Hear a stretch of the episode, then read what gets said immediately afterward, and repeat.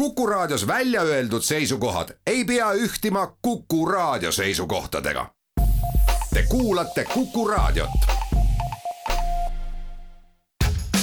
ja nüüd kohe algab Juku Raadio. Juku-Kalle Raidi köögilaua taha ongi juba kogunenud kõikvõimalikud spetsialistid ja muidu toredad inimesed. tore, et sina ka tulla said. häid mõtteid toob Juku Raadiosse Postimehe kirjastus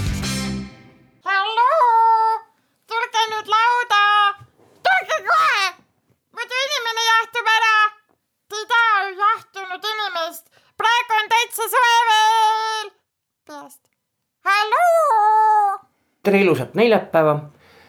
head Jukuraadio kuulajad, käes on, mis ta siis on, neljasaja kaheteistkümnes köögilaud. ja köögilaud on äh, kolinud teist nädalat järjest Tartusse, mõnikord niimoodi juhtub et kui tuled korraks kuhugi koos köögilauaga, siis jääd sinna pikemaks. Eelmises neljasaja üheteistkümnendas saates rääkisime me Prima Vista festivalist. nii selle ajaloost kui, kui ka siis mängudest ja mängupiiridest, no seda saavad kõik järgi kuulata. ja veel seda enam, et ka homme ja ülehomme Tartus Prima Vista festival kestab nii et Prima Vista ee saab guugeldada rahulikult ja vaadata, mis seal põnevat on ja sinna kohale minna aga kui me juba Tartus oleme ja Prima Vista juba käib, siis jääme kirjanduse lainele. Jääme ka ajaloo lainele ühtlasi.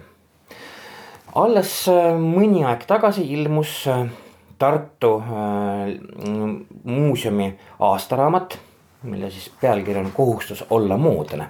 kus on siis igasuguseid mm, huvitavaid teemasid käsitletud just nimelt Tartu kohta. aga siin on ka väga põnev kirjatükk Naine tema kõrval mälestusi kirjanik Oskar Lutsu abikaasa Valentina Lutsust. No Luts ei vaja ise loomulikult mitte mingit tutvustamist. ta on ikkagi meil selline noh, ütleme meie isikliku põrgu alustala, kirjanduspõrgu alustala, ei saa vaielda. selle artikli on kirjutanud Meeli Väljaots ja nüüd siis me olemegi köögilauaga keset Oskar Lutsu maja koos Meeliga, tere Meeli. tere, tere no kõigepealt võib-olla, kui me nüüd Oskar Lutsust, me ju kohe jõuame Valentinani. Valentina Lutsuni, kui me räägime Oskar Lutsust ja tema ähm, noh, naissuhetest, ma nüüd ei mõtlegi isiklikest naissuhetest. vaid nendest naissuhetest, mida ta siis oma arvukates teostes kirjeldab. millised need Oskar Lutsu naised siis kipuvad olema, siis ähm, esimesena meenub mulle muidugi kohe äh, Oskar Lutsu suvi, kus on siis sihukene tegelane nagu targutav apteeker, nagu jah. ja targutav apteeker targutab ka siis abielurannast, üleüldse oma raamatutes Luts paistab seda niinimetatud abieluranda hirmsasti kartvat. apteeker ütleb, et õnnetud noored mehed, kes nad arvavad, et nad abielu ma ei tea, sadamasse, sadamasse jõudes jõuavad nad kuhugi paradiisi. ei, vastupidi on, alles siis nad purjetavad tõeliselt tormisele merele, kus siis noh, mees kunagi ei tea, mis jama talle kaela tuleb, aga see jama tuleb. no enam-vähem niimoodi lühidalt kokkuvõttes siis ütleb apteeker, eh, kui ta räägib Tootsiga. ma nüüd ei tea, eh, kuidas Lutsu ja Valentina suhe oli, kas eh, Oskar Luts kartis oma naist? mine tea, kas ta teda kartis. Öeldakse ju, et see oli armastus esimesest silmapilgust ja siis kas peab kartma seda inimest, keda sa armastada Valentina ja, ja Oskar Lutsa, nad ju kohtusid. ja, ja kui me mõtleme, kuidas nad kohtusid. tollel ajal, kui käis esimene ilmasõda. tuhat üheksasada seitseteist oli. ja just nimelt, see oli tuhat üheksasada seitseteist. Valentina kasvatatud tsaari ajal korralik tütarlaps, kes lihtsalt sellepärast, et et tema isa oli surnud ja ema ei jõudnud neid alaealisi lapsi kõiki siis toita, pidi ka juba tööl käima ja sellepärast jäi tal ka keskkool või gümnaasium siis tolleaegne lõpetamata ja kui ta seal Vitebskis raudteekontoris töötas. ja, ja siis, kui Oskar, ilus ohvitser, nagu ta siis oli, saabus sinna oma ravimirongiga, noh, sõda on sõda. ja, ja kuidas Valentina juba tuhande üheksasaja seitsmekümne kaheksandal aastal rääkis ta Lembit Laurile, ja see on Ja- ERR-i raadiosaade, mis on arhiivist lei- täiesti leitav, väga huvitav saade. Hästi huvitav. ja soovitan kindlasti kuulata, see on siis kirjutamata memuaare sarja, seda on arhiivis olemas. just nimelt ja seal ju Valentina ütleb nii ilusasti. Nad olid näinud teineteist mingi hetke ainult, kuidasmoodi see, kuidasmoodi see armastus siis lõkkele lööb. kui tütarlaps mõtleb seal laua taga istudes, nähes seda võõrast ohvitseri kontorisse sisse astumas, et tuleks ta minu juurde, tuleks ta minu juurde. ja kui see ohvitser siis tema laua juurde jõuab ja kui nad saavad kõik need tööasjad nagu aetud, asjad on korras, siis tuleb see ohvitser tagasi mõne tunni pärast juba pärast esimest sellist silmsidet, seda sädet kutsub tütarlapse kohtuma, kohtama.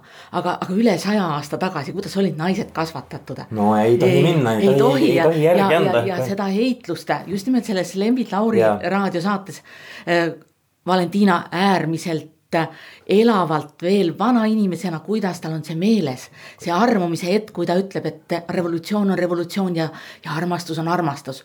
Et kas siis peab kartma seda inimest, et tulles nüüd selle mõtte juurde, et kas Oskar kartis oma armastatud naist. et no äh, mingites päevikutes hilisemates ta ikka vingub, et, et Jaa. selle üle, Oskar Luts vingub selle üle, et Valentina vingub temaga. ja, aga nii nagu eh, siis Oskarit ja Valentinat hästi tundnud ja siinsamas, kui köögiuksest astume välja, siis seal nende lutsude elutoas või, või võõraste toas, et oli aeg, kus siis selles majas elas Juhan Peegel oma perega viiekümnendast, tuhande üheksasaja viiekümnendast kuni tuhande üheksasaja viiekümne viienda aastani. ja, ja kui Juhan Peegel äh, sel päeviku välja annab, tema toimetab seda viimast päevikut Jah, just. jah. Jah. ja, see ja, ongi Oskar Lutsu viimane päev, üks Just. brošüür on. ja absoluutselt, see on nüüd siin kirjandusmuuseumis välja antud. ja kirjandusmuuseumi ki- kirjutisena välja antud ja, ja saatesõna on Juhan Peeglilt ja tegelikult ta kommenteerib eh, tundjana, mõlema inimese tundjana, nii Valentina kui Oskari tundjana. ja, ja nähes seda elu siitsamast teiselt poolt ust, et kui, miks siis Oskar vingus ja virises ka oma, oma naise kallal. et see ei olnud kõige parem periood üleüldsegi mitte, kui ta seda viimast päevikut kirjutas. et see on üks Oskari selles mõttes nagu traagilisemaid teoseid üleüldse. Kui tal on sõja ajal, siis no nüüd on tuhat räägime üheksasada nelikümmend neli kuni tuhat üheksasada viiskümmend kaks peetud päevik minu. ja just nimelt kuni, kuni surmani ja, ja, ja kui ta seda päevikut alustab, siis äh, siin selle päeviku alguses äh, ta räägibki, kuidasmoodi tal siis teise maailmasõja ajal, kui nad olid sellest majast juba sõjapaos ja kuidas tal siis oma päeviku märkmed olid ära varastatud ja ta alustab nüüd uut päevikut. ta alustab ikkagi selle päeviku pidamisega ja, ja siin kajastuvad kõik sellised tagasilöögid, kõik see mure, mure oma maa pärast. see, et neljakümne neljandal aastal sõda siinmail lõppes tähendas ju tegelikult Nõukogude okupatsiooni algust ja ta räägib ju sellest, mismoodi siinsamas maja taga põlevad sõdurite lõkked, kuidasmoodi naissoldatid, tütarlapsed käivad ja murravad siit tema aiast lilli, nopivad viimased tubakaraasud, lärmavad, tulistavad, mida kõike, eks ole. mure Tartu linna pärast, millest on suurem osa puruks pommitatud ja tema maja on püsti jäänud, aga nüüd tulebki see mure oma kodu pärast, sellepärast et see kodu, vaikne nurgake, mida ta siit Tartus oli kogu aeg otsinud, alates siis sellest, kui ta oma Valentinaga siia öö, elama tuli, siis Esimese maailmasõja tulemusel või, või selle käigus, kui sündis ka Eesti Vabariik ja sellel ajal, kui nad siia jõudsid elama, otsis ta oma vaikset nurgakest. ja, ja tal on tagahoovi olud ei meeldinud üldse, et ta ju elupõliselt kogu aeg kurtis, et, et noh, et, et see lõputu kisa ja uste Ja, paugutamine, joodikute lällamine ja ma ei tea, röökimine, et see teda hirmsasti segas aga muidugi tänu tagahoovi, tänu nendele tagahoovi eludele oleme meie jälle selle eest rikkamad, seepärast see on ju kajastunud väga hästi tema loomingus. Aga, aga see tagahoov jõuab ju temale No siia, et jah. kui me astume tagasi siis aastasse tuhat üheksasada nelikümmend neli, eks ole. või, või siis juba hilisematesse aastatesse, mis selles päevikus ka kajastuvad, siis, siis mure selle oma kodu pärast, kus on täpselt nüüd need ukste paugutamised, venekeelsed inimesed, sõjaväelased, kes pannakse siia elama, sest siin majas on lõppkokkuvõttes ju viis tuba aga kui ülejäänud linn on puruks pommitatud, kuhu sa siis need inimesed elama paned, hea, et neid ennast siit välja ei tõstetud. Ja, mure oma poja Georgi pärast. et, et muresid muudkui tuleb ja tuleb talle kukile. no väga närviline aeg niikuinii kõikide Ja, jaoks tegelikult jah. ja, ja see, mis pani teda siis haarama ka rohkem võib-olla pudeli järele ja, ja Valentina üle nurisema. ja Valentina üle nurisema, et seda oskab nüüd siis Juhan Peegel ilusasti siin selles päeviku saatesõnas ka selgitada ja, ja leevendada, et tegelikult nad ju armastasid teineteist, Valentina armastas oma Oskarit ja Oskar armastas oma Valentinat. ja, ja see väike niisugune nurisemine oli osaliselt ka muretsemine, võib-olla ta ei osanudki teistmoodi. ja no ta on, ta on kirjutanud siin oma päevikus, et ma tsiteerin seda, sedasama kohta. kuidas Oskar Luts siis kirjutab naisest Valentinast. ta on väga hooletu, eriti koduhoiu suhtes ja tige, tujukas, väga raske on temaga läbi saada. ja siis veel, et mida armastusväärsem on ta võõraste vastu ja neid käib siin laialt. seda rohkem närib minu kallal, olgu ma purjus või kaine. koledasti uhkustab oma aiaga ja kõigega, mis tal on, vaat siis eh, niimoodi ütleb Oskar Luts Valentina kohta. aga no fakt on loomulikult see, et kõik, kes neid ka sellel ajal nägid, muidugi nad hoidsid üksteist tegelikult, et, et noh, et siin. ühesõnaga, kui me tuleme nüüd Valentina juurde tagasi, Valentina ja Oskar Luts kohtuvad tuhat üheksasada seitseteist, see Valentina on sündinud ju Minskis. Ja siis eh, Vitebskis jah, nagu siis selles samas raudteesõlmes, nagu sa ütlesid ja see oli tõesti armastus esimesest silmapilgust. aga kui nad Eestisse nüüd tulid, Valentina ja Oskar Luts, siis oli neil juba pooleaastane poeg, eks. ja see oli siis juba tuhat üheksasada kaheksateist, kui Georg sündis.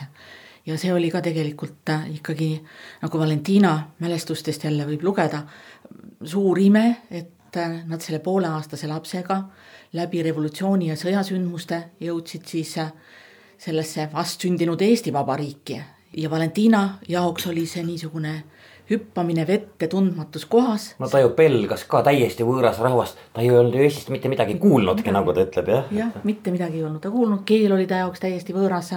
inimesed olid kõik ta jaoks võõrsad, võõrad olud olid kõik võõrad. aga, aga ometigi ta kodunes siin ja, ja sai Oskari perele ka väga armsaks ja, ja nii nagu Valentina siis on ka ise rääkinud, et arvates, et sellepärast, et Oskari emal ei olnud tütart, vaid oligi kolm poega olnud, siis üks väiksematest vendadest oli surnud eh, juba kolmeaastaselt, me teame ainult Theodorist. Jah, et see oli siis nagu, Meie filminduse klassik just Theodor nimelt Luts. ja, ja võib-olla soomlaste jaoks veel olulisem jah ja, jah. kui meie jaoks me lihtsalt teame, et see on Oskari noorem vend olnud, Oskar Lutsu noorem vend siis Theodor Luts. et eh, need olid nüüd inimesed, kes siis võtsid, võtsid seda perekonda vastu, aga Valentina arvab, et just sellepärast, et ei olnud Oskari emal tütart olnud, siis armastas ta seda oma miniat mööndusteta, mis siis, et ühis, ühist sellist keelt nagu lingvistilist keelt, eesti keel, vene keel, et see oli esialgu oli ainult kehakeel, millega nad siis, mille läbi nad suhtlesid. ja no Valentina ise kiidab, et, et hoolimata sellest kõigest said nad väga hästi läbi kohe ja, ja aru, et, et selles mõttes Valentina on rääkinud ka, et ta kodunes tegelikult Eestis väga kiiresti. aga seesama Oskar Lutsu noorem vend Theodor Luts, kes on tõesti eh, üks Eesti filmi alustalasid ja kes siis eh, tegelikult erinevalt siis Lutsust põgenes, põgenes siis eh, Nõukogude okupatsiooni eest eh, ära, eks ole ju tema käis siis sealsamas Vitebskis Oskar Lutsul ju külas mm, seitsmeteistkümnendal aastal ja kiidab ka oma mälestuses väga Valentina Lutsu mm. -hmm. ja nagu öeldakse, armastus ja lugupidamine käib kõhu kaudu mm. -hmm. Theodor Luts kirjutab, milline kokk on Valentina, millised pelmeenid, süldid, ma ei tea, laud on kogu aeg lookas. sellest räägivad äh, väga paljud inimesed jah., kes, kes Valentinat on tundnud ja kes äh, täpselt selles samas toas on laua taga veel istunud ja, ja kes on siin pidusid pidanud ja, ja kes on sellest kõigest ka osa saanud ja, ja veel tänapäeval äh, elus olevad inimesed, kes Valentinat tundsid jah. ja, ja, ja kes on osa saanud nendest suurejoonelistest söömingutest, joomingutest siin, kes, kes tuletavad meelde kõiki neid toite. On ka lõbusaid lugusid nendest muidugi. söögi tegemisest, et kui Juhan Peegli abikaasa õde, kes ka elas siis Juhan Peegli perega siin kõrvaltoas, tuletab meelde, mismoodi siin neid pidusid peeti, siis öö, on üks tore mälestus sellest, et kuidasmoodi Valentina oli siin köögis Napoleoni torti valmistanud. ja, ja siis tütarlapse oli lihtsalt näinud, kuidas Valentina ennast unustavalt seda torti kaunistas. purgi sisse oli tehtud paradiisiõunad niisuguses siirupi sees ja, ja tordi peale oli tarvis kaunistuseks neid panna, aga kui võtad ikka õunakese sealt siirupipurgist, siis ta ju tilgub, no kus sa paned niimoodi tordi peale teda. Valentina oli võtnud õunakese purgist.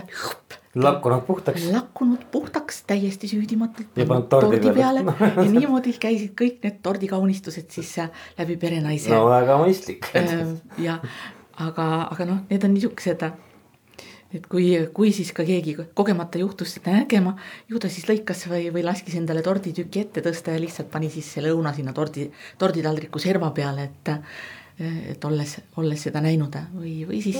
või noh, ei teinud välja. või ei teinud siis sellest välja. no mina näiteks poleks välja teinud, ma ei tea, kuidas sina.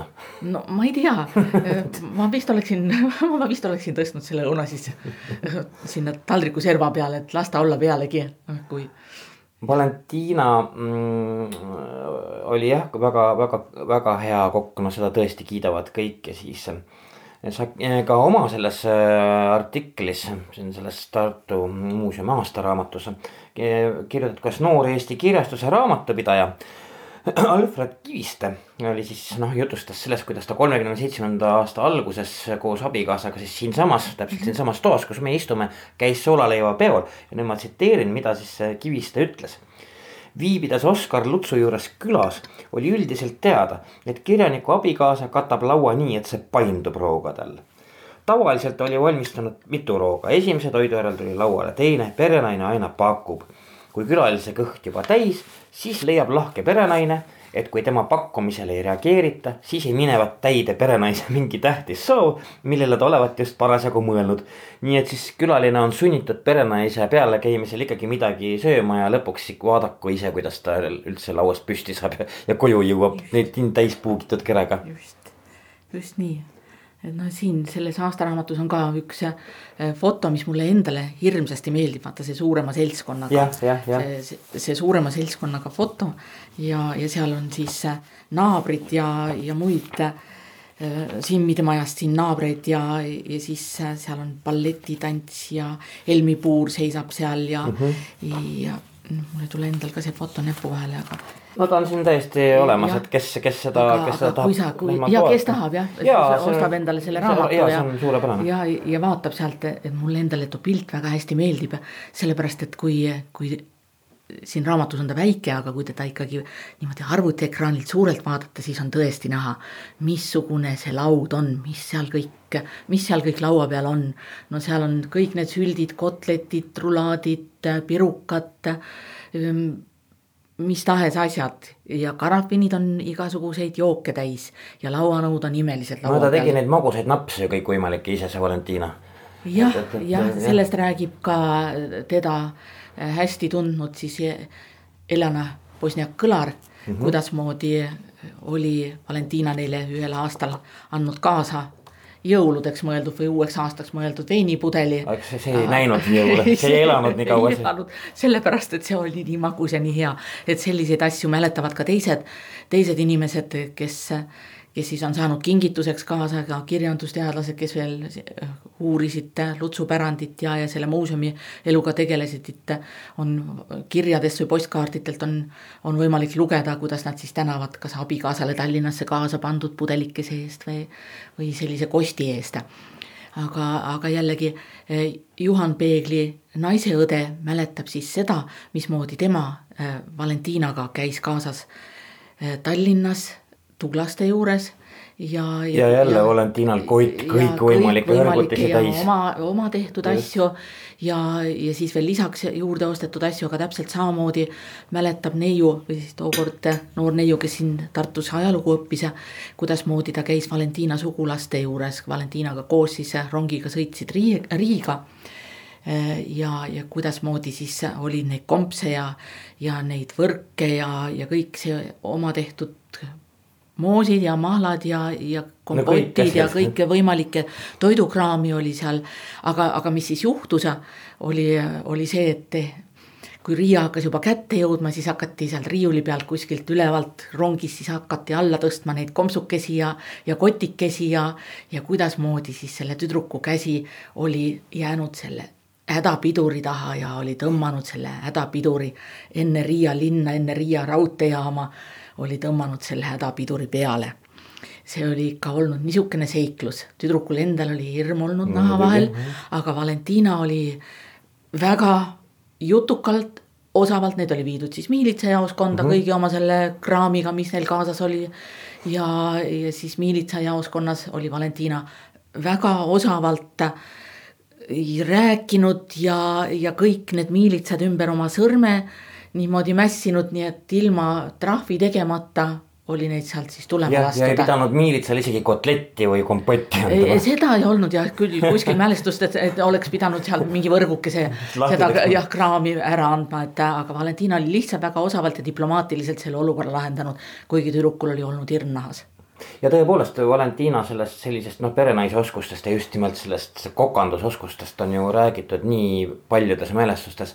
Ma hakkasin alles praegu, kui ma nüüd sinuga siin räägin, Meeli, mõtlema, et kas Valentina Lutsust mingit äh, retsepte ei ole järgi. ei ole. ei olegi? ei ole. ta paganas hoidis kõik endale ühesõnaga jah. või olid tal nii hästi nad kõik peas. sest äh, temast ei olegi väga palju igasu-, noh, ütleme niimoodi kirjalikke mälestusi või ta ei pidanud päevikut või ja, märkmeid ja, ja. ei teinud. temast on säilinud üks selline vana kaustik, aadressraamat, siis mõned nii käsitsi tehtud märkmed iseenda kohta, kasvõi see elulugu, äh, millest on siin ka jupikene yeah., et äh, seda on tal keegi aidanud siis eesti keelde kirjutada niimoodi, et oleks, äh, aga, aga retsepte, selliseid asju ja ei ole väga kurb, mõtle, kui tore oleks Valentina Lutsu retseptiraamat, sel, mille järgi saaks köögis möllata. aga mine sa tea, see vana maja on alati üllatusi täis, et. võib-olla tuleb veel kuskilt välja, eks ole. mine sa tea jah, siin paarist prahikastist on küll huvitavaid asju välja tulnud muideks. näiteks? mõned aastad tagasi, vaata, ma ei ole ka siin väga pikalt töötanud mm, -hmm. mul läheb kuues aasta praegu siin majas tööl, tööl käia ja tööd teha ja, ja siin lutsude juures olla. Tahtsin ka teada, et mis kuskil on ja vaata siis uus luud tuleb, hakkab kraamima kõvasti no..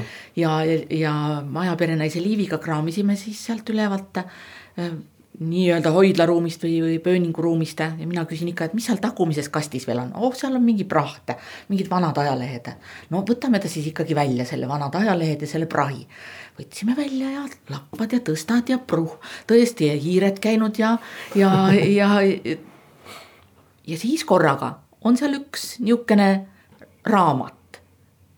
ja võtad selle raamatu lahti ja see on arveraamat, arveraamat aastast tuhat üheksasada kakskümmend üks kakskümmend kaks. sellest ühest ja ainukesest aastast, kus Oskar Luts pidas Tartus raamatupoodi. kõik nii, nagu see raamat sinna oli visatud, sest ega siis, kui nõukogude ajal seda muuseumit tehti, ega siis kellele see korda läks, see polnudki võib-olla mingi näitaja, et niisugune rahvakirjanik ja, ja suure medali saaja oli ju nõukogude ajal talle see punalipu yeah, asi yeah. ka rinda riputatud, et see siis nüüd kunagi kliki ajal pidas raamatupoodi, et see oli lükatud, hääd ei olnud ära visatud, see oli lükatud sinna ajalehtede vahele ja, ja eest ära, aga lõppkokkuvõttes see oli üks hästi huvitav leid, mis on nüüd ka korralikult restaureeritud, et iga lehekülje vahel siis kellega ta kirjastustest või teistest kaupmeestest oli pidanud siis selle aasta jooksul kirjavahetust, kelle käest kaupa oli ostnud, kellele mingisuguseid arveid oli saatnud, kellele võlgu oli jäänud. et niimoodi oli siis iga lehekülje vahele pandud need dokumendid ja nii oli ta siis Oscarist sinna puutumatult jäänud ja, ja sellest oli meil siin aasta tagasi ka näitus, et seda me näitasime. siin see oli tõesti selline haruldus, mis veel välja tuli, nii et. Äh, nii et tõepoolest mitte kunagi ju ei, ei teada. saa ikka päriselt nii-öelda ei saa, et midagi välja ei tule või, või et, et maja on ennast ammendanud, et võib-olla kui järgmist koristustööd teeme, et siis on äkki veel kuskil jäänud või mõni lehekene ka Valentina retseptidega. ja see oleks muidugi väga tore no,, ma, ma küll hea, hea meelega kohe kobiks kööki ja prooviks järgi, mida, mida see eh, taevani kiidetud Valentina siis eh, kokkas. no võib-olla sa tahaksid maitsta äh, kitselihast tehtud pelmeene, sellepärast et, äh, et viivepudersell räägib sellest, et kuna kitsesid kasvatati ka siin hoovi peal. Äh, ja nagu päevikuski võisid lugeda, et Oskar Luts pisut taunib seda, et Valentina ennast kurnab selle kitsepidamisega, kuigi sealt tuleb piima ja, ja eks liha tuli ka. ja, ja, ja kui Viive Pudersell räägib sellest, et kui tehti kitsedest pelmeene, siis neid oli mitte kümneid, vaid, vaid neid sadu, sadu. ja see, see oli jah, see oli ka sihuke koht, mis ajas mul keelt limpsama Pole midagi öelda nii, äh, me teeme pisikese pausi, äh, Juku-raadio neljasaja kaheteistkümnes saade on. Meeli väljaotsaga oleme mitte, äh, oleme küll köögilauas, aga mitte Kuku klubi köögilauas nagu tavaliselt Tallinnas, vaid Oskar Lutsu elutoalauas. ja me räägime Oskarist, aga põhiliselt Valentina Lutsust, sest Meeli väljaots just on siis üllitanud Tartu Muuseumi aastaraamatus mis on siis nüüd kõigile kättesaadav. Äh, sellise suurepärase uurimuse Naine tema kõrval, mälestusi kirjanik Oskar Lutsu abikaasa Valentina Lutsust. ja siis Valentinast me räägime pärast pisikest pausi kohe edasi. Te olete Kuku Raadio lainel ja kuulate Jukuraadiot. häid mõtteid toob Jukuraadiosse Postimehe kirjastus jätkame Jukuraadio neljasaja kaheteistkümnenda köögilaua saatel neljapäeva õhtut. ja täna me oleme noh, ütleme, ütleme Eesti kõige vingema või vähemalt noh, kõige kuulsama, kõige eestlastele kõige omasema rahvakirjaniku Oskar Lutsu kodus ja tegelikult räägime rohkem küll Valentina Lutsust. kes esimest plokki kuulas, teab, Meeli väljaots on siin minuga, tema kirjutas siis Tartu Muuseumi aastaraamatusse just nimelt Valentina Lutsust sellise vägeva ja väga huvitava, kultuuriliselt väga huvitava kirjatüki. et kes see Valentina Luts siis Oskar Lutsu kõrval oli. ja jah, kes esimest plokki kuulas, teab juba, et, et nad kohtusid Valgevenemaal tuhat üheksasada seitseteist ja siis kolisid siia ja siis see maja sai valmis tuhat üheksasada kolmkümmend seitse. nüüd, kui Valentinast mõelda ja pajatada ja kuulata ja lugeda, mis temast on pajatatud, siis on selge, et mm,. Oskar Lutsu oli ta, ütleme, kuidas ma siis nüüd ütlen, asendamatu kark, ta ajas ju kõik asjad tegelikult Lutsu eest ära, absoluutselt kõik asjad. Luts ei pidanud, ma mõtlen nagu igapäevaeluliselt ju noh, põhimõtteliselt lillegi liigutama no võib-olla see tõesti oli niimoodi jah, sellepärast et äh, Valentina, nii nagu ta oma elulooski siis kirjutab, et ta on olnud äh, pärast kirjanikuga abiellumist koduperenaine. jah, jah, et ta on olnud koduperenaine, aga mis see tähendas siis olla kirjaniku kõrval koduperenaine. sellel ajal, kui nad siin Tartus oma vaikset nurgakest otsisid ja elasid küll Mäe tänaval, Puieste tänaval või kuskil sealt ja, seal üle täna, üle jõe teisel pool jõge siit, siit minnes, siis äh, oli ikka Valentina ülesanne see, kui äh, Oskaril tagahoovide lärm liiga jälle kõrvulukustavaks muutus või olid seal. tema otsis uue korteri. just nimelt, Valentina oli siis see, kes otsis uue korteri ja, ja kui oli vaja, siis andis hommikul mehele, kes läks linna peale oma asju ajama, andis talle sedelikese ka taskusse, et vaata õhtul on uus aadress selline. ja see oli väga sümpaatne just nimelt, et Oskar Luts äh, sai sedeli kaasa ja siis, kui ta seal kuskil sõpradega linnas kokku sai, siis kruvis sedeli lahti ja vaatas, kuhu ta täna õhtul peab minema. tead, see ei, ei pidanud alati olema niimoodi, et, et tal meeles oli veel õhtul, kuhu minna. et oli ka juhtunud seda, et ta läks vanasse, vanasse kohta ja just nimelt. ja, ja siis võib-olla seal ukse taga kruttis uuesti selle sedeli lahti ja vaatas, et ei, ma tänasest elan nüüd hoopis hoopis sellel aadressil, nii et. ja, ja mõnda kohta isegi võib-olla koliti mitu korda jälle, et, et maja esialgu tundus ühes Puiesti tänava korteris, kus klaverit oli väga kõvasti mängitud. ja siis oli veel muid, et kas ei olnud elektrit sees või mingi niisugune näitaja oli veel ka, aga siis see maja nagu läks, muutus paremaks ja, ja siis äh, hoopiski koliti sinna veel tagasi mõne aja pärast. et Valentina oli see, kes siis selliste asjade eest hoolt kandis.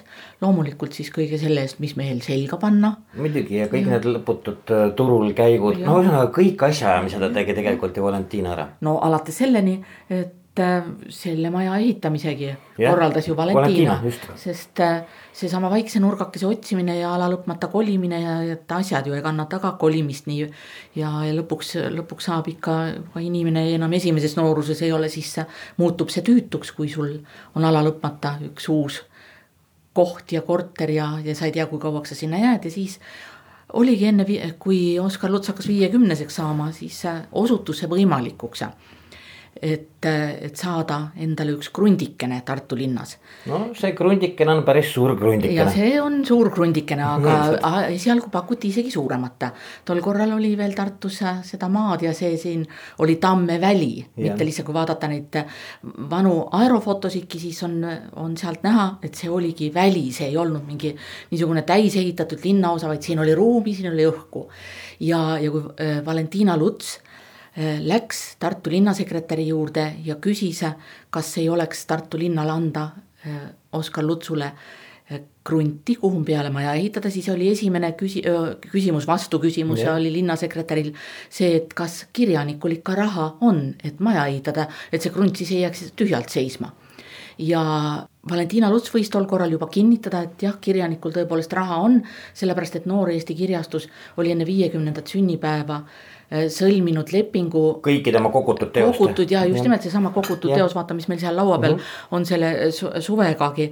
et sellesama kogutud teoste väljaandmiseks oli siis leping juba sõlmitud ja, ja niimoodi siis pakuti Valentinale kõigepealt ühte krunti, Valentina ei tahtnud ja siis pakuti teist ja Valentina ei olnud nii, et ta kohe esimese oleks võtnud. ta teadis seda, et tema on see, kes hakkab maad kaevama ja maad harima. tema on see, kes peab kõige selle praktilise poolega tegelema ja, ja esialgu talle tundusidki, et need krundid on suured ja ka see krunt oli poole suurem. see mõõdeti väiksemaks ja, ja teine pool äh, sai Juhan Simmile aasta pärast ja äh, Lutsude maja sai siis ka Juhan Simmi maja siin kõrval, nii et sõbrad, koolivennad elasid siin kõrvuti Valentina Lutsuga tuleb mulle meelde veel üks huvitav asi, et Oskar Luts, ma ei tea, mis, mis, mis trikk talle pähe kargas. Ta ju äh, varjas algul Valentina eest, et ta üldse kirjanik on et see, see on, see oli nagu väga kummaline, et kujutame nüüd pilti. Eestis oli kevade ja suvi olid juba ilmunud, no ta oli ikkagi kuulus, mis kuulus, ta oli ikka korralik kirjanik. ja, ja Valentina Luts ei teadnud seda. no eesti keelt ta ei osanud ja siis äh, Valentina Luts on ju ka kirjeldanud või rääkinud, ma nüüd ei mäletagi, et algul ta ei saanud aru, mida see mees seal öösiti laua taga nahistab. kirjutab ja naerab omaette, eks ole. Kuule, siis Luts, Luts ajas talle mingit udu, mida ta kirjutab, mingi sõpradele kirju või midagi siukest. tegelikult kirjutas. Suve. suve kirjutas jah, õige ta kirjutas suve siis jah. jah, esialgu oli ta ikkagi nii nagu Theodor Lutski talle ütleb, et sa oled Joosep Tootsi isa. see oli siis kahekümne esimesel aastal, kui nad Jah. seda raamatupoodi kahekesi hakkasid pidama vend Theodoriga, et. Et noh, et sul, sa oled ju Joosep Tootsi isa, et raha peaksid sa või algkapitali kasvõi sellest juba saama. aga, aga siis jah, kui Valentinal oli olnud ka eelnevalt mingisugune kavaler, kes oli siis kas ajakirjanik või, või Jaa. no ta oli ja tegelenud Luts, kirjutamisega. Luts sai aru, et Valentina umbusaldab siukest, et mis kuradi mehe töö see on. Kirjatsura. mis kuradi kirjatsura see on ja siis Luts varjas hoolega Valentina eest. no ilmselt ikka mingi teatud siukene kartis võib-olla vastu pead saada või kartis, et Valentina eh, paneb hõlmad vöö vahele ja läheb minema. igal juhul varjas suve kirjutades, et ta seda teeb, väga naljakas lugu igal juhul.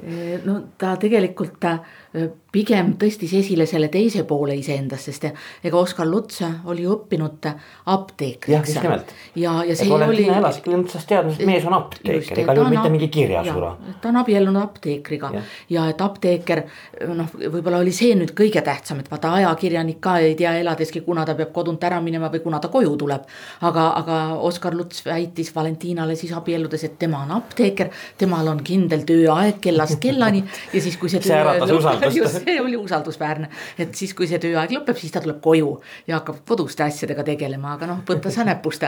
et äh, mees tegelikult äh, siin majaski elades äh, töötas ikka öösiti ja, ja kirjutas öösiti ja, ja siis mõnikord oli hommikul siis kui kirjutamise lõpetas, siis läinud välja, kas seal üleval oma toas selle terrassi peale ja ringutanud ja sirutanud või vahel siis peenarde vahel siin ka veel mõne jooksuringi teinud. aga ega tol korral ei olnud see siis nüüd nii see rahvasport või tervisesport. Valentina oli ütlenud, vaata, mis, kui naabrid näevad, mis siis mida juhtub mida ja sa võimled siin on ja ju, et ise on nagu ka soliidses eas inimene ja nüüd mingi hüppab siin ringi, eks Jah. ole ju.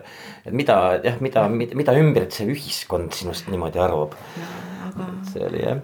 Valentina leebus ja see võttis, võttis selle omaks kiiresti, et tema mees on siiski kirjanik ja, ja, ja toetas teda. ja muidugi toetas küll, aga Valentinal oli see ikkagi päris suur šokk, kui ta sai, no mitte ainult see, et, et, et noh, mees on kirjanik. vaid jummal küll, et ta on, ta on siukene kirjanik, keda teab kogu see rahvas, kuhu ta on elama sattunud. peast täiesti. sest noh, Kevade oli selleks ajaks ikkagi absoluutne kultusteos või noh, meie sihukeste lapsepõlve romaanidega täielik alus ja, ja, ja nii edasi, eks ole. Et nii, et see oli, see oli, see oli tore lugu. No äh, me siin korraks mainisime ka, et Oscaril oli, Oscar armastas, oli niisugune lõbus viinanina mm, ikkagi. Ja tegelikult äh, noh, elu lõpul jah rohkem, aga ega ta siis ju äh, elu, eluajalgi ju pitsi ei sülitanud, et noh, sellestki on on päris palju kirjutatud, sellega seostub ka äärmiselt naljakaid lugusid, no tõesti äärmiselt naljakaid lugusid. ja noh, see muidugi Valentinale väga, väga juba algusest peale ei istunud, sest ta kippus ju lutsu ees napsi ära peitma näiteks. jah, eks need naljakad lood, need on kahe otsaga lood no,, kellele on ta on naljakas ja kellele ta ei ole naljakas ja. no algul nad ei olnud väga traagilised, algul olid nad ikkagi mingid niuksed tembutamised, et noh, et, et see, kui see alkoholism ei olnud Lutsule veel süvenenud. jah, aga, aga ikkagi noh, minule isiklikult tundub, et seda, seda poolt ehk ei peaks nii palju tematiseerima, sest kui mm, inimene tunneb Oskar Lutsu, ka praegu meie kaasaegsed, kui nad tunnevad Oskar Lutsu ainult kui mingisugust tembutavat sellist viinanina. No ma arvan, või on mälestus või ei no aga seda olen ise kokku puutunud sellistega, kes esimene assotsiatsioon on kohe, et aa, et vaata, kuidas oli või vaata, kas see on õige või, või kas selline lugu. et kui, kui inimestele meenub esimesena ainult see, et vaata ümbrikaudu lapsed tõid teda kelguga koju või vaata nüüd teda pidi niimoodi talutama, et kellele jaoks see siis naljakas on see, see ei ole no,. mitte Valentina jaoks. absoluutselt, see ei ole lähedaste jaoks kohe kaugeltki mitte naljakas. ja, ja Valentina jaoks oli see pigem traagiline ja nii nagu Juhan Peegli mälestustestki ja, ja Juhan Peegli peremälestustest, kui nad siin elasid see viis aastat, viiskümmend kuni viiskümmend viis. no Peegel ei taha ka nendel episoodidel üldse peatuda, ta ja. ütleb, et, et jäägu, jäägu see ka kõrvale, noh, ta ei hakka neid kõiki neid äh, Lutsu viina ninatempe üles kirjutama. jah, et see, see ei ole nagu tõesti teema, et see on pigem inimese traagika ja, ja see oli ka midagi niisugust, mis võttis ja lõikas Oskari kui kirjaniku ja Oskari kui inimese elust, et lõikas ikka suure jupi maha, ta ei olnud enam võimeline kirjutama. ja, ja tema lähedased, tema perekond, äh, küll see oli nüüd pisikeseks jäänud küll pärast seda teist sõda sest oma pojaga ta ju kokku enam ei saanud ja, ja neid lähedasi inimesi oli teisigi ju, kes olid siit Eestist põgenenud ja, ja vend täpselt samamoodi, kes Brasiiliasse läks ja, ja et kui nad siin Valentinagagi olid kahekesi, siis see Valentina jaoks oli see ju hirmus suur traagika ja tema sellest kõigest niimoodi ikkagi üle tuli niisuguse rahu ja, ja mõistmise ja, ja empaatiatundega et ta toetas oma meest, et ta pesi ta puhtaks, et ta järgmisel päeval oli kirjanik jällegi kirjanik ja vähemalt hommikul heas konditsioonis, siis, siis jah see vist ei ole päris minu teema ka, et ja, ja, hästi hell teema, et, et nendest, nendest naljadest, et ma ei taha ka hästi mõista neid külastajaid, kes esimesena tulevad ja, ja tuletavad meelde mingit seda peitmise lugu või mingit koju toomise või to, koju tassimise lugu, et minu meelest on see inimlik traagika. ja, ei noh, ühest küljest, ühest küljest kindlasti, aga pole midagi parata, kui inimene on ennast ütleme nii rahva südamesse või meelde kirjutanud või ükskõik mis mm -hmm. loomevormiga tegelenud, siis paraku niisugused legendid tekivad. see on, see ei ole mitte ainult Lutsu eripära, see on, see lihtsalt ongi nii. see lihtsalt paratamatult ongi nii, näiteks äh, siin paar nädalat tagasi oli Mnemo turniir, kus me siis selle tarkade klubiga äh, vastasime äh, ühe kuulaja küsimusele, küsimus oli, et mis püst see oli, ai, äh, kuhu peitis Oskar Luts oma napsid Valentina Lutsu eest, eks ole ju noh, ja siis noh, me munasime välja, et mingi püst see oli, aga ma tõesti ei mäletanud, mis, mis kirjaniku püst see oli, et noh, sinna sisse sai siis panna kõik napsid. Valentina käis mööda maja ringi ja imes, et kust kuramust ta seda napsi saab, et alles just oli selge, nüüd on täitsa ähmas juba. et noh, et niuksed, niuksed lood on paratamatud, pole midagi parata ja noh, neid ei, ei tegelikult ei maksa ju väga traagiliselt võtta ka, et see on mingil moel on, on kogu Oskar Lutsu ja üleüldse selliste inimeste elu ju kunstivorm iseenesest paratamatult. nojah, siin on ka võib-olla kaks otsa jälle nagu kõikidel asjadel No see, kas ähm, seda tehakse taotluslikult inimese enda poolt või see kujuneb mingite asjaolude tõttu selliseks. et üks asi muidugi, noh, see, mida nad siin koolivend Simmiga kõrvuti elades Jah. missugust kuvandit nad võib-olla ka, olles mõlemad legendaarsed Tartu linna elanikud, võib-olla siin veidi üle, üle võlli. Nad panid ju meelega üle võlli igasuguseid asju, kohe, noh. et, et see võib olla nüüd see taotluslik ja, ja teine see, millest, millest ka Oskar ise saab aru, et see on tal niisugune nii-öelda puue või, või see on haigus, et sellest peaks üle saama. et, et siis las ta jääda, eks ju. ja, ja, Jah. ja no Oskar Luts muidugi äh, vihjab eneseirooniliselt sellele Viinuskile ka.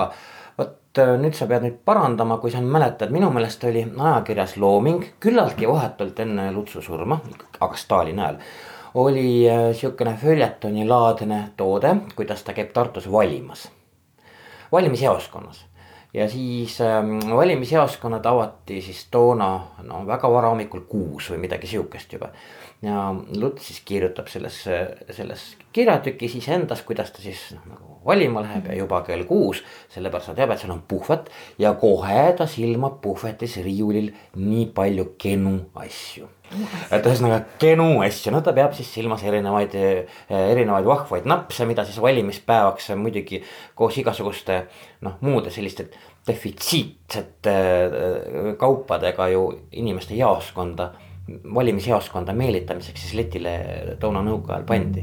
nii et see, seda ta kirjutab ise, et, et justkui noh, viskab tegelikult enda üle ka nalja. jah, eks ta kirjutab siin viimases päevikus ka, et ta iseenda üle jah, ta suhtub endasse kriitiliselt, et kui tal on parem, paremad päevad, ütleme selgemad päevad, kus, kus ta saab ka võib-olla veidikene veel loominguga tegeleda, ega ta suuri asju ei kirjuta enam Jah, seda jah, jah. teist, teist sõda, et see, see pani talle ikka niisuguse põõna, võiks öelda, et No kõik ja kõik need olud.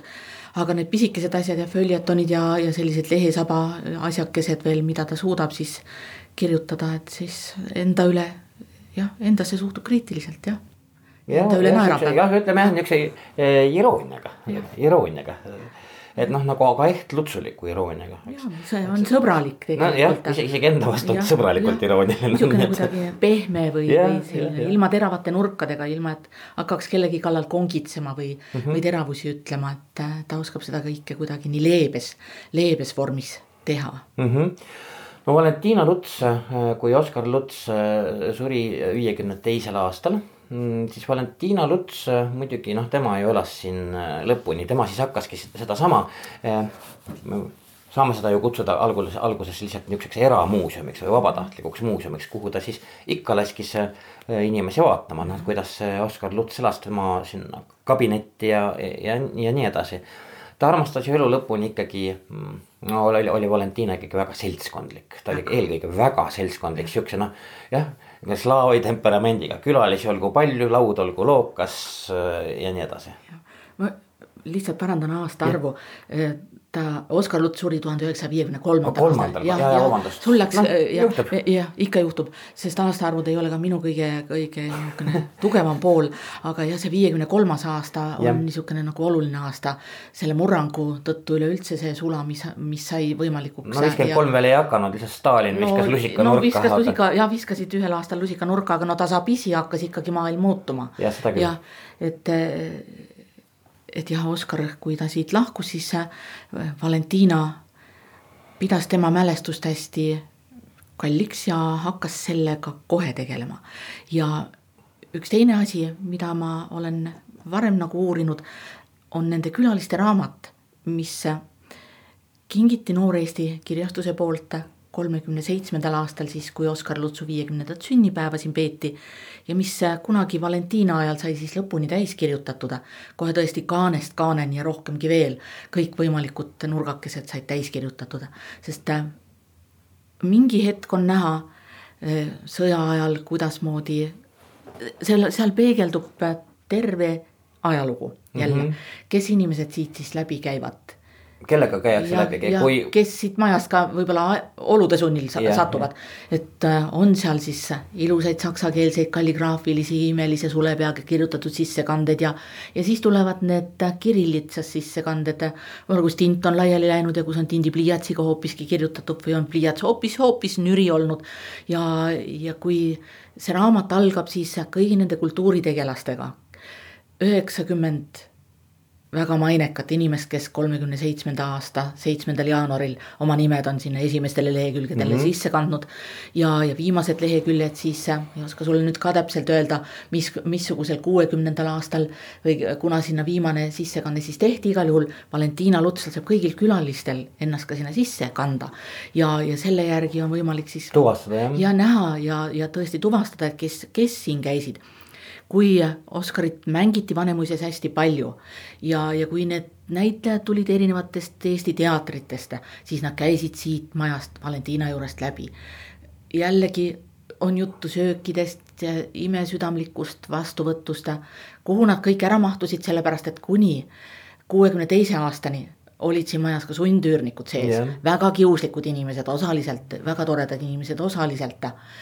Et, et kuidas see elu siin siis niimoodi käis, et mahtusid ära külalised, mahtusid ära üürnikud, aga ühel hetkel see, see selline muuseumi, eramuuseumi pidamine, selle mälestuse hoidmine, selle maja eest hoole kandmine, see käis Valentinale üle jõu. Ja, ja kuuekümne teisel aastal oligi, et tol korral siis linnavõimu nimetati täitevkomitee siis võttis täitevkomitee kuuekümne teisel aastal vastu otsuse, et siia majja tehakse Oskar Lutsu majamuuseum. Hea, et Valentina sai siin siis oma ruumikestes edasi elada.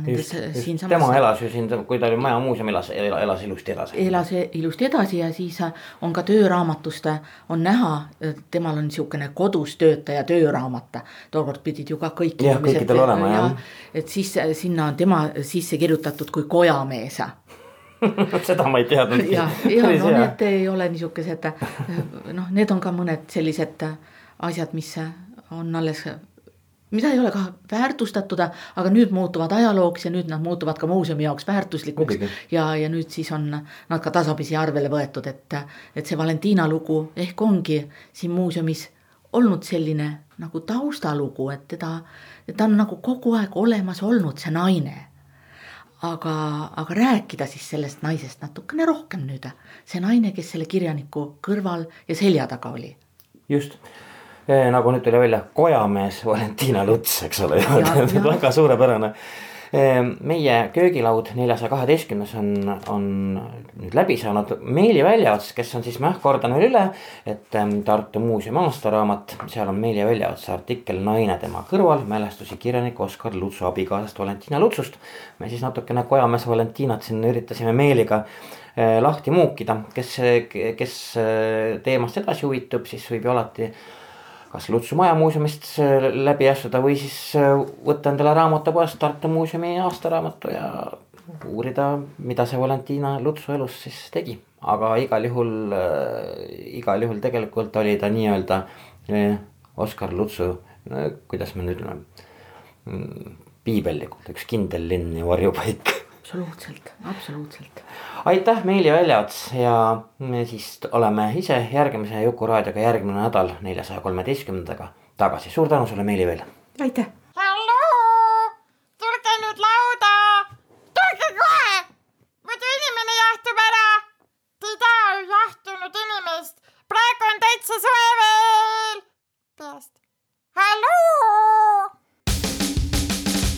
Mõtteid toob Jukuraadiosse Postimehe kirjastus